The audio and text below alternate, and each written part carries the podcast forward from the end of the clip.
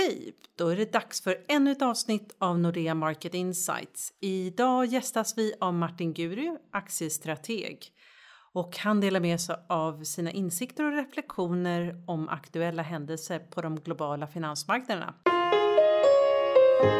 Hej Martin! Så trevligt att ha dig tillbaka här i podden. Tack så hjärtligt. Tänkte att vi kör igång direkt. Vi börjar ute i världen och närmare bestämt i Kina. Vad har hänt där sen sist? Ja, nu ser det så att man har ett stort möte, ett årligt möte i Kina där man faktiskt har kommit överens om femårsplanen här och det här är jättespännande. Kina har ju nämligen för fem år sedan bestämt att man ska dubbla BNP för vanliga människor på tio år. Nu har det gått fem år.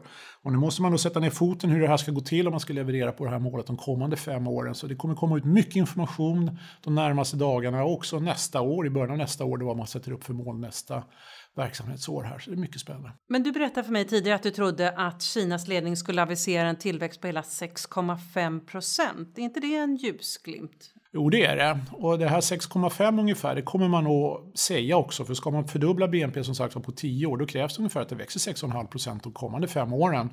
Och det får man nog säga är en ljusglimt för att, för att nå det här. Då måste man investera kraftigt, precis som man har gjort tidigare. Och det är många bolag och världen i stort som kommer dra nytta av det. Självklart de kinesiska företagen i första rummet, men det här kommer att ha stor betydelse.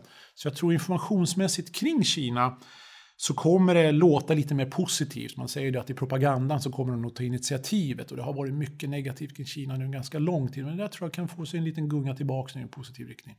För i de bolagsrapporter som vi har lyssnat till de senaste veckorna så har ju Kina varit återkommande temat att tyngt rapporterna. Ser vi då liksom någon form av återhämtning nu? Jag kan väl i alla fall säga att den nedgången man har befarat kommer nog inte bli så stark. Vi vet ju att strukturellt är tillväxten i Kina på väg ner och man kanske inte behöver investera lika mycket som man har gjort tidigare.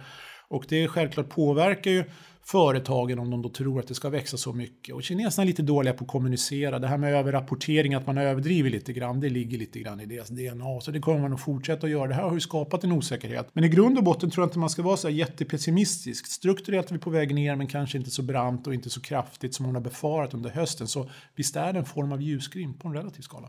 Det känns ju väldigt positivt om man tänker då om vi vänder oss till Europa, för där har ju ECB-chefen Draghi Eh, fastställt att han är redo att trycka på knappen för ytterligare stimulanser och utöka de redan omfattande obligationsköpen. Hur ser bakgrunden ut till det här beslutet om det nu ser ljusare ut i Kina? Ja, det är lite grann som ute i Europa som i Sverige då, att vi har egentligen ingen inflation. Och riksbankerna överallt är lite oroliga för att en lång period utan inflation ska egentligen leda till fallande priser och då är det lite grann tillbaka till 30-talsscenario, det man absolut vill undvika.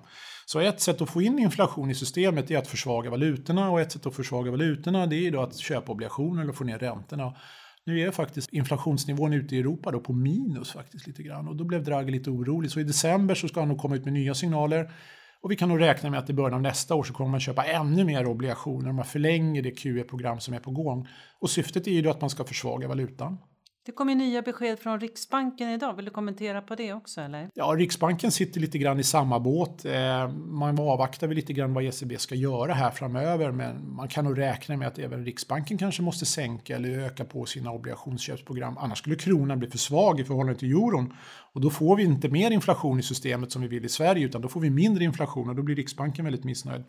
Så det ligger verkligen i korten just nu att eh, både då ECB, att svenska riksbanken, ska fortsätta att köpa mer obligationer, sänka styrräntan lite till för att försvaga valutorna då, framförallt i förhållande till dollarn. Så den svenska ekonomin, är, den, är det på väg uppåt eller neråt? Eller? Jag får väl tro att säga att svensk ekonomi den är väldigt stadig i det här sammanhanget. Det spelar väl inte så jättestor roll kanske för helheten var valutan står för dagen, men för exportföretagen så är det ju ingen nackdel om vi har en, en svag valuta och så vidare. Så att det ser väl rätt okej okay ut. Eh, svensk konsumtion och hur vanliga svenskar mår och arbetsmarknaden är ju också rätt okej okay, faktiskt. Så på en relativ skala mår vi i Sverige fantastiskt väl. Ska vi titta lite på den svenska aktiemarknaden? Eh, kan vi förvänta oss ett tomterally nu inför slutet av 2015? Ja, jag tror att vi får en bra avslutning på det här året. Nu är precis rapportperioden bakom oss och det har varit lite blandade signaler men inte fullt så dåligt som man faktiskt befarade. Det finns också ett säsongsmönster på aktiemarknaden. Lite skämtsamt brukar vi säga att aktier är en vintersport. Och man brukar väl säga att man kanske lämnar det gamla året bakom sig och börjar titta framåt. Och då börjar man handla in i nästa års förhoppningar. Och de flesta prognoser ändå pekar ju på att det ska bli lite bättre tillväxt, vinsten ska stiga och då passar man på att köpa in i det. Är det några särskilda branscher som man kan förvänta sig lite mer av? Och jag tror nu, på, åtminstone på kort sikt, då, att de cykliska aktierna kommer gå lite, lite bättre. Förväntningarna har gått ner väldigt kraftigt under året. Kan du specificera lite? Ja, typ en Sandvik-aktie, Atlas Copco, Autoliv, Trelleborg till exempel. Också bolag med Kina-exponering har ju fått väldigt mycket stryk under året för man har varit väldigt orolig för utvecklingen. Men jag tror det där kommer lätta lite grann nu i alla fall. Det finns anledning att köpa lite grann av de här väldigt nedpressade aktierna ytterligare en period. Vad som också brukar fungera bra den här tiden på året det är ju aktier med hög direktavkastning, till exempel Telia Sonera som är mer eller mindre som en obligation. Eh, det rör sig inte så mycket, men väldigt hög direktavkastning. De, den typen av aktier brukar fungera väl den här 4-5 månader på året, så det kan man också köpa in i.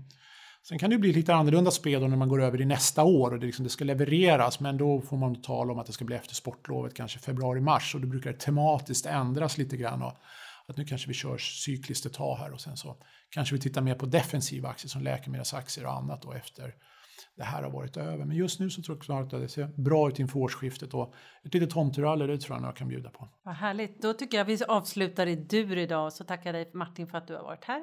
Ses om två veckor. Tackar. Om du vill veta mer så går det bra att besöka nordea.se markets. Där finns det nyhetsbrev att prenumerera på. Du kan också gå in på nexus.nordea.com där du hittar den senaste av all vår research. Tack så mycket!